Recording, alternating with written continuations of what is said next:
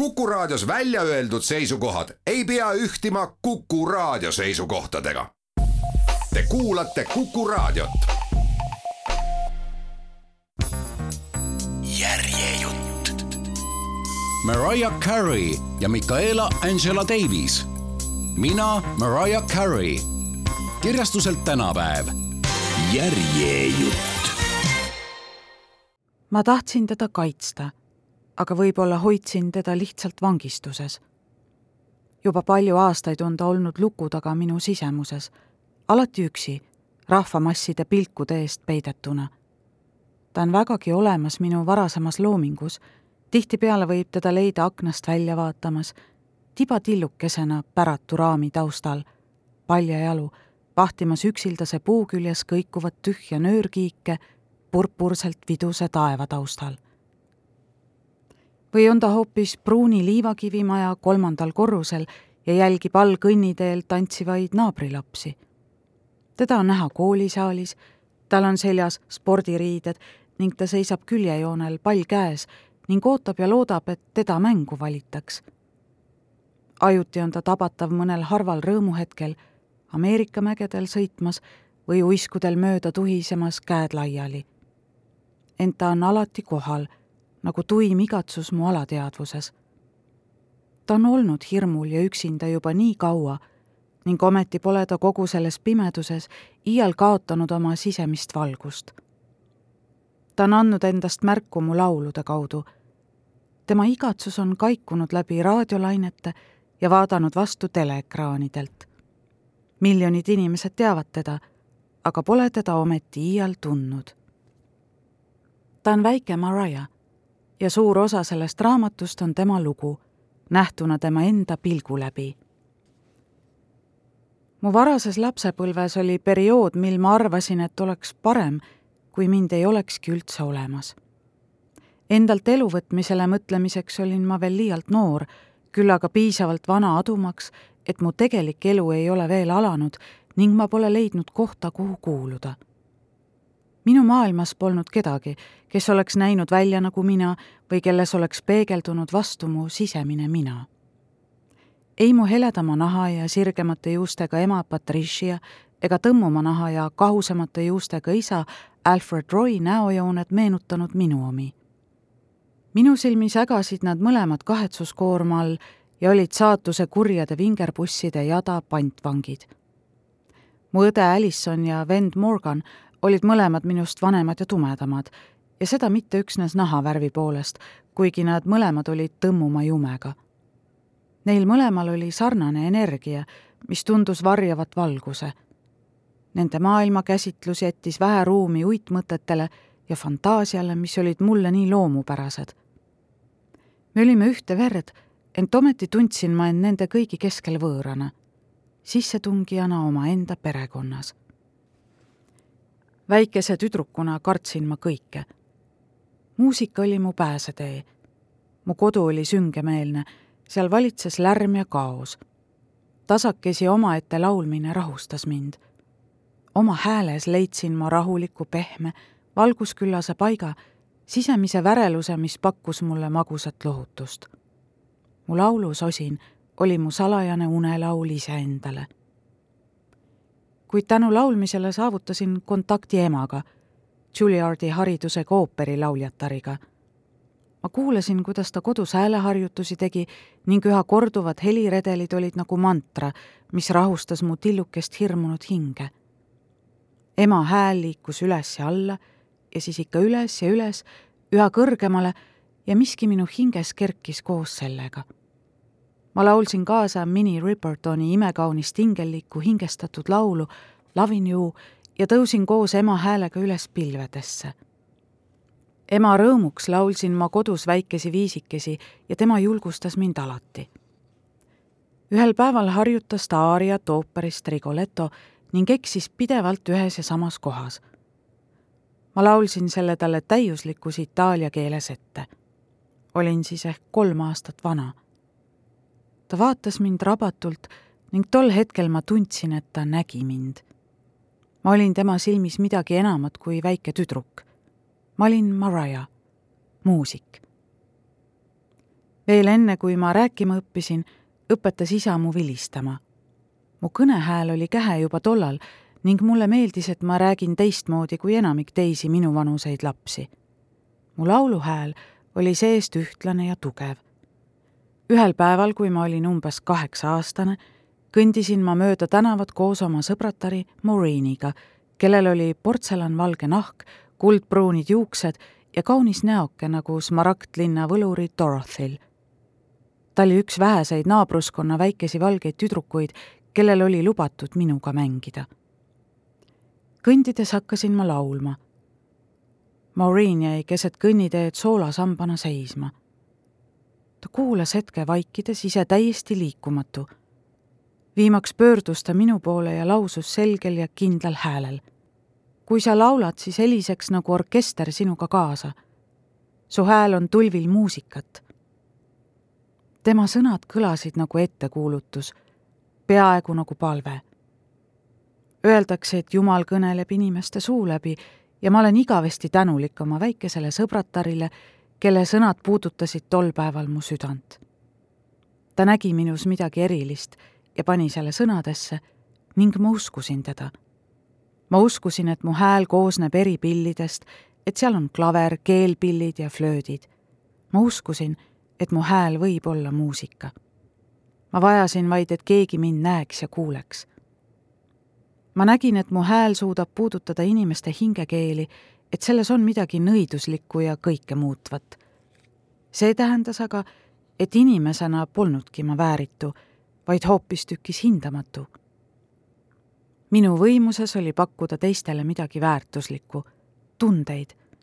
just tunnete poole pürgimisest saigi mu elu sisu, mu elu mõte. Läks vaja kahteteist politseinikku, et mu venda ja isa lahutada. Märatseva maruhoone ühte põimunud suured mehekehad prantsatasid kõrvulukustava mürtsuga elutuppa. üksainus viiv ja ma ei näinud enam ainsatki tuttavat asja ei aknaid, põrandaid, mööblit ega valgust. nägin vaid liikuvate kehaosade kaootilist keerist.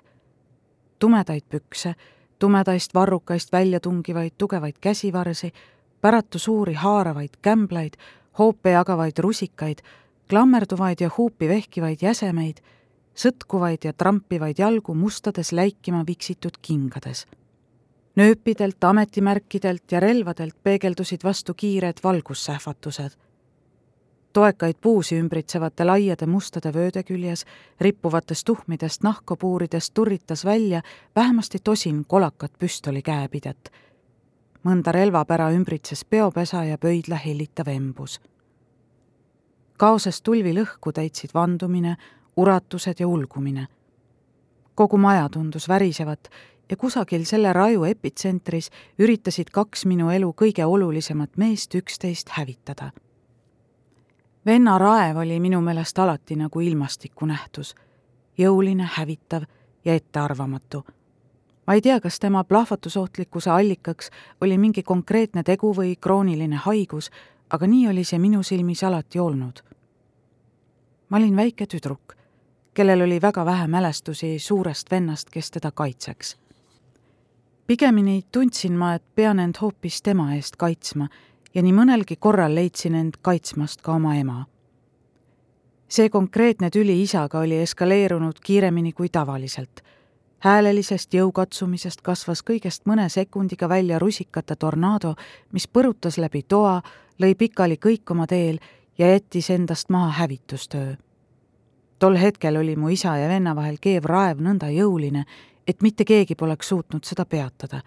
keegi poleks julgenud üritadagi. põngeriaika jõudmise ajaks oli mul välja arenenud instinkt, mis andis mulle aimu lähenevast vägivallapuhangust.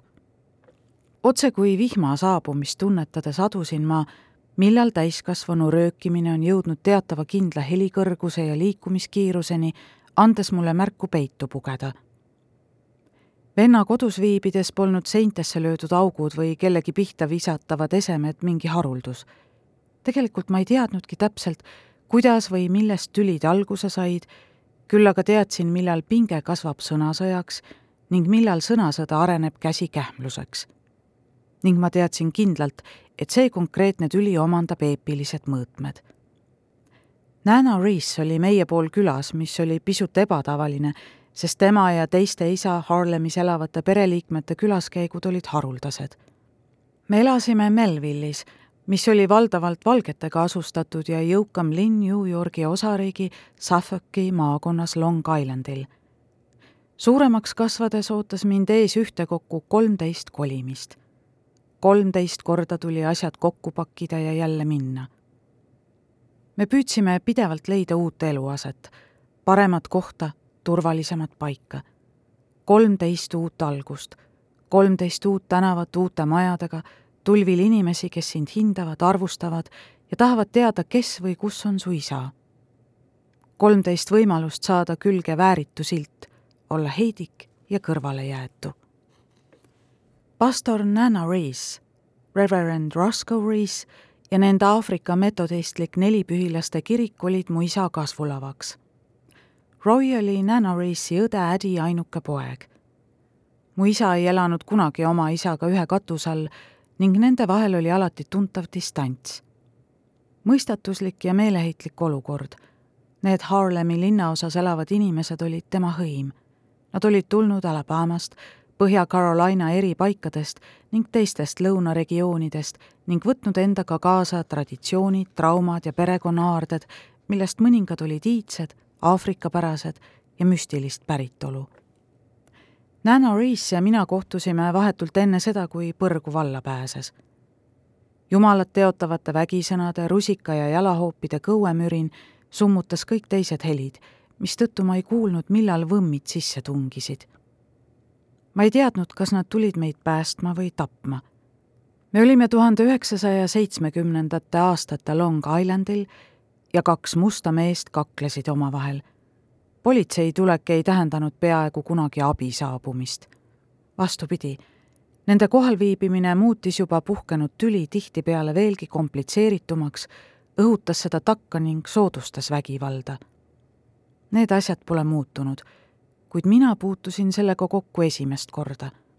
mul puudusid eelnevad kogemused, mul puudusid üldse igasugused kogemused. mu nõbu Lavinia, Nana Reesi tütar, ütles ikka Teie kanda, lapsed, oli kogu mustanahaliseks olemise koorem, ilma mingite privileegideta. mul kulus kaua aega, et mõista tema mõttetera ehedust. see polnud mõistagi esimene halastamatu kaklus mu isa ja venna vahel. Nende suhted olid olnud plahvatusohtlikud nii kaua, kui ma mäletasin. küll aga oli see esimene kord, kui abivägi kohale kutsuti samuti oli see esimene kord, mil ma olin tunnistajaks võimalusele, et mõni pereliige võib mu oma silme all jõhkra otsa leida. või et surma võin saada hoopis ma ise. ma polnud veel nelja-aastanegi. enne kui abielu mu emale ja isale talumatuks muutus, elasid nad üheskoos Brooklyn Heightsis kuigi boheemlased olid sinnakanti triivinud juba tuhande üheksasaja kümnendal aastal, ning tuhande üheksasaja viiekümnendad tõid kaasa linnaaktivistide laine. Need olid varakad liberaalid, kes jälestasid eeslinnu, olid seal tuhande üheksasaja seitsmekümnendatel endiselt küllaltki eklektiliselt segunenud peamiselt töölis- ja keskklassi perekonnad. valgekraed ja jõukam eliit polnud veel kohale jõudnud kui noore segarassilise perekonna jaoks mingi tolerantne piirkond tollal üldse eksisteeris, siis oli Brooklyn Heights sellele tõenäoliselt kõige lähemal. läbi kogu lapsepõlve elasin ma paljudes kummalistes paikades, enamasti Long Islandil ning tundsin end Manhattani saarel täieliku merehädalisena. Mu mõlemad vanemad rabasid väga kõvasti tööd teha, et me saaksime elada piirkondades, kus meil oli võimalik vilksamisi näha toda tabamatut paremat elu ning tunda end turvaliselt tavatarkus ütleb aga, et parem ja turvaline on valge nahavärvi sünonüümid. meie ei olnud konventsionaalne perekond. kas ikka oli parem elada paigas, kus mu valgenahaline ema astus välisuksest välja tihtipeale esimesena, enne kui järgnes mu mustanahaline isa koos segarassist lastega, nende turvalisuse huvides. mida teeb niisugune asi perekonna peast mehe psüühikaga kuidas suudab selline mees oma perekonda kaitsta ning millise signaali saadab säärane alandus tema mustanahalisele pojale. politseinike salgal õnnestus mu isa ja vend lahutada ja kuigi kisa ja kära ei vaibunud veel niipea, olid kõik siiski elus. Tormi tõeliselt ohtlik faas oli möödas. kõuemürin oli vaibunud. järgmisel hetkel leidsin ma end nutva ja värisevana Nana Reesi embusest. ta oli mu sülle haaranud nagu pesuhunniku ning pannud mu enda kõrvale kiiktoolile, nagu meie lapsed seda nimetasime, odavale kipakale mööblitükile, mille määrdunud rooste ja oliivikarva katet kirjasid sinepikarva täpid. mõnikord ma mõtlen, et just too sohva külvas minusse mu hilisema armastuse Chanel'i vastu. meie, lapsed, panime sohvale nimeks kiiktool, sest sel oli üks jalg puudu ja kui end edasi-tagasi õõtsutada, siis hakkas sohva kiikuma niisugune õilis püüe leida midagi naljakat katkiste asjade juures oli anne, mida ma jagasin oma venna ja õega. kogu ümbritseva vägivalla ja hingetraumade keskel pakkus too kurb kušett mulle suurt lohutust. Nana Rees hoidis mul kõvasti ümbert kinni, kuni mu tilluke keha enam ei värisenud ning mu hingamine ühtlaseks muutus. ma naasin õudusunenäost, pöördusin tagasi oma kehasse Näna pööras mu näo üles valguse poole ja veendus, et mu silmad on fookuses ja pilk tema omas kinni. ta asetas oma õrna käe kindlalt mu põlvele. tema puudutuse toimel vaibusid silmapilkselt kõik ikka veel mu keha läbivad järeltõmblused. Näna pilk oli ebatavaline. see polnud vanatädi ema ega arsti pilk, pigemini vaatas ta otse teed mu hingepõhja. tol hetkel ei olnud mina hirmunud väike tüdruk ja tema mind lohutav vanem naine. me olime kaks hinge, eatut ja võrdset. Näna lausus mulle, ära lase end hirmutada kõigest halvast, mida sa näed. kõik su unistused ja unelmad saavad teoks. pea seda alati meeles. Nende sõnade peale valgus soe ja armastav hoovus tema peopesast minu põlve. voolas mahedate lainetena läbi mu keha, tõusis pähe ja haihtus siis kogu hävitustöö oli mulle puhastanud ühe teeraja. ma teadsin nüüd, et valgus on olemas. mingil kombel teadsin ma ka, et see valgus kuulub mulle ja on igikestev. enne toda hetke ei olnud mul enda teada mingeid unistusi. mul polnud ka erilisi mälestusi. Kindlasti polnud ma veel kuulnud oma peas ühtegi laulu ega näinud ainsatki ilmutust. alates umbes neljandast eluaastast, pärast mu vanemate lahutust jäid meie kohtumised Nana Reisiga harvaks. mu ema ja isa perekonnad olid vaenujalal ja kuna mina elasin koos emaga, siis olin ma Nana tervendamist ja ekstaatilist jumala kummardamist tulvil Harlemi elust sama hästi kui ära lõigatud. hiljem sain ma teada, et Nana Reisi oli kutsutud naisprohvetiks. lisaks avastasin ma, et tema ei olnud mu suguvõsa ainus tervendaja. küll aga usun ma kindlalt, et tol päeval sai minust sügavalt usklik inimene. hinge tasandil ma mõistsin, et mis iganes minuga või minu ümber ka toimuks, minu sisemuses on olemas miski, millest ma alati jõudu saan ammutada. mul oli olemas miski, mis aitas mul leida tee läbi mis tahes tormi ja maru. Ma tahtsin, et mu vend mind armastaks. tema ürgjõuline energia avaldas mulle sügavat muljet kuid samas hirmutas mind. väike majake ei suutnud kuidagi välja kanda meie valu ja hirmu kogu taaka, eriti mu venna oma. ajad olid nii keerulised. mina olin väike hirmunud tüdruk. ema vaevles hinge piinades ja mu vend, noh, ütleme lihtsalt, et ta oli midagi enamat kui tavaline tulivihane teismeline, eriti keskkooli ajal põhikooli lõpuks oli tema viha omandanud täiemõõtmelise raevu proportsioonid. teismeea alguses oli mu vend tulvil loomingulist ja sportlikku potentsiaali. ent varasemail aastail oli teda kiusatud ja pekstud, sest tal oli puue ja ta oli segarassist. Tema nähtavalt teistsugune nahavärv eraldas ta alatiseks Long Islandi valgetest poistest ja tegi temast sihtmärgi. lapsed võivad olla õelad aga kui tavalisele pahatahtlikkusele lisandub rassism, siis sünnib eriline brutaalsus, mida täiskasvanud vägagi sageli tagant õhutavad ja enda näite lõpetavad. tõenäoliselt tegid ka mustad lapsed mu vennale üksjagu põrgut. Ma olen kindel, et tema distantseerumine neile nii omasest mustanahaliste uhkusest, mis ajendab tihti põhjendamatut politseivägivalda, sütitas neis vimma, mis leidis väljapääsu füüsilises vägivallas ja sõimus. enamiku mu lapsepõlvest ümbritsesid mind ühelt poolt vennaviha ja teiselt poolt ema nukrad eneseotsingud. nii viha kui ka sõltuvus on mõlemad äärmiselt kahjulikud, kuid üks neist on minu meelest suunatud sisse ja teine väljapoole. Nende põrkumisel on tulemused katastroofilised lasteaiaealiseks saades oli katastroof minu puhul juba rutiinne nähe. Northportis elamise ajal olid miniplahvatused ema ja venna vahel täiesti igapäevased. ma sundisin end liikumatuks ja ootasin puhangu vaibumist. enamasti summutasin ma enda jaoks nende tülide taga peituvad sõnad ja põhjused, küsimus miks oli täiskasvanute territoorium. Minu silmis olid nende tülid lihtsalt üles kruvitud häälte hägu mida ilmestasid vänged vandesõnad. ent ühel konkreetsel õhtul oli tüli allikas mulle täiesti selge. vend tahtis ema käest autot laenata ja ema ei andnud. auto pärast olid need tülitsenud sadu kordi, aga mingil põhjusel oli too õhtu teistsugune.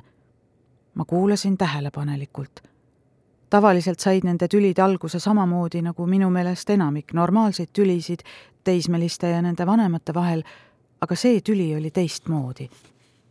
juba esimestest hetkedest plahvatuseelse tasemeni tõusnud vaidlus eskaleerus kiiresti metsikuteks, üksteise suunas paisatud roppusteks. haavavad sõnad lendasid siia-sinna ja põrkasid seintelt rikošetina tagasi, kogudes iga uue raundiga järjest rohkem jõudu. risttulest ei olnud väljapääsu. kriiskavad hääled leekisid toast tuppa, trepist üles ja alla ning terve maja muutus lahinguväljaks. Polnud ainsatki turvalist paika. ma tundsin üha kasvavat pinget õhus ning mu ema ja vend jäid üksteise ette seisma. Neid eraldas vaid paar tolli pingestatud raevu. mul oli kabuhirm. kogu mu keha kangestus. silmad pärani lahti suunasin ma oma pilgu kusagile nende vahele ja kisendasin läbi pisarate üha uuesti ja uuesti jätke järele, jätke järele. ma lootsin, et mu karje tungib nende vahelt läbi ja muudab nad hetkeks relvituks. äkki kõlas vali ja terav heli nagu püssipauk. mu vend tõukas ema nii tugevasti, et too lendas vastu seina ja kostis kõrvu lukustav raksatus. ma nägin ema keha jäigastumas. viivuks paistis ta seina külge kinni kleepuvat ja rippus seal nagu lõuend jalad mitu tolli põrandast kõrgemal. järgmisel hetkel lõtvus ta keha täielikult, otse kui polekski tal enam luid konte ning ta vajus põrandale.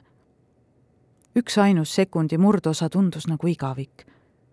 mu pilk oli ikka veel tardunud, ainult et nüüd vaatasin ma põrandale hunnikusse vajunud ema. vend trampis toast välja, lõi ukse kinni, nii et maja veel viimast korda maast laeni värises ja kihutas ema autoga minema seisin viivu õõvastavas vaikuses. ma kuulsin omaenda hingamist, kuid ei saanud aru, kas ema veel hingab.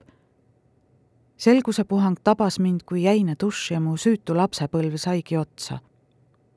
pilku liikumatult lebavalt emalt kõrvale pööramata võtsin ma end kokku, tõstsin telefonitoru ja tunnetasin selle rasket külmust oma tillukese kõrva vastas mu pisikesed sõrmed vajutasid nelinurkseid nuppe juba tuttavas järjekorras number kuulus ühele ema sõbratarile, kelle juures ta vahel külas käis.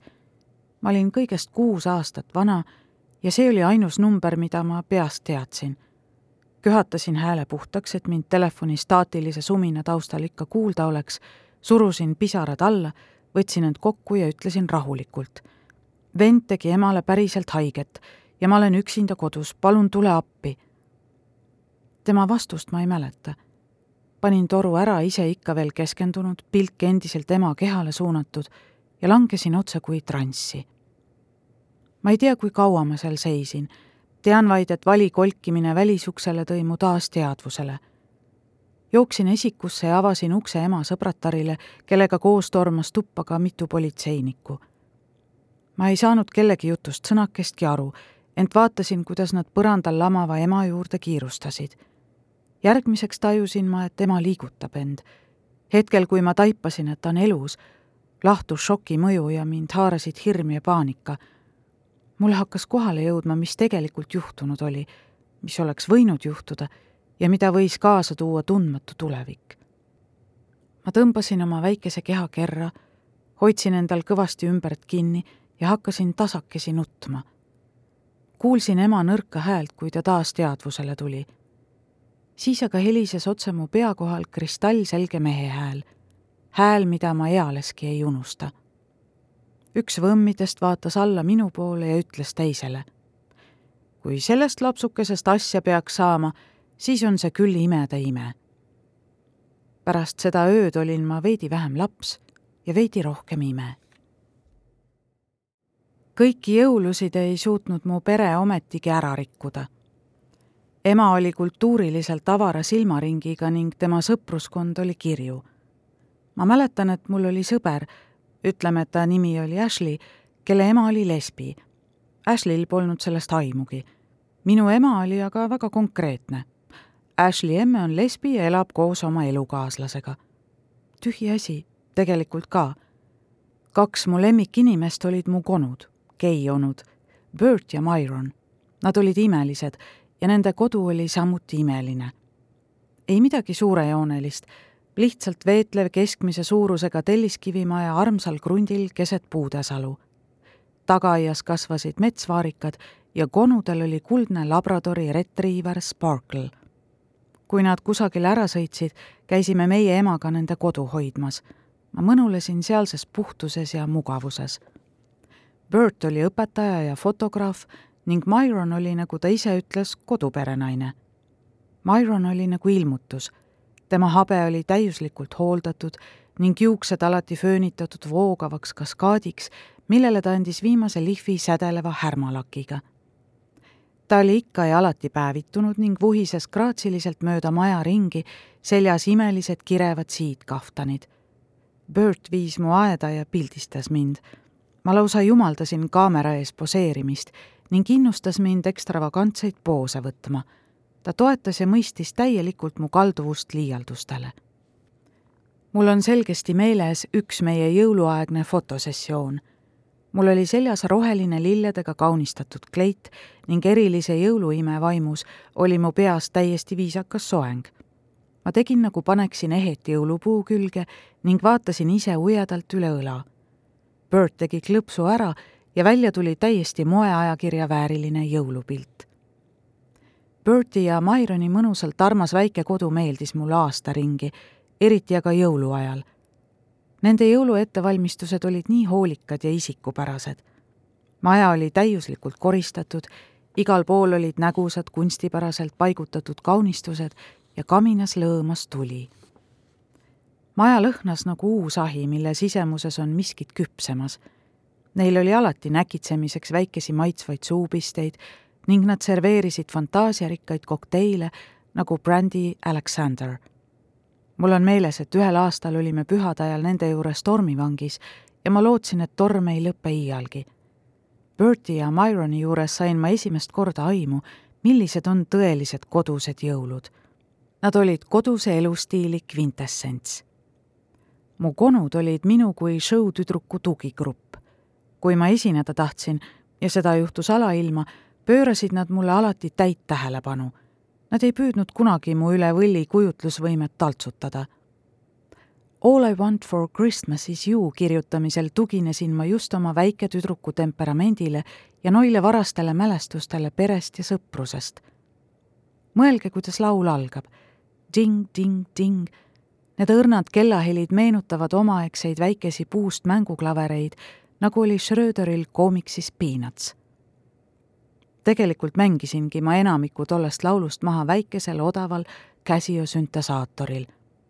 aga nimelt niisuguse sulniduse, selguse ja puhtuse tunnet tahtsin ma selle lauluga edasi anda. see lugu ei võrsunud kristlikust inspiratsioonist, kuigi ma olen laulnud ja loonud ka hingelisest ja spirituaalsest perspektiivist. see laul sündis lapsepõlvest.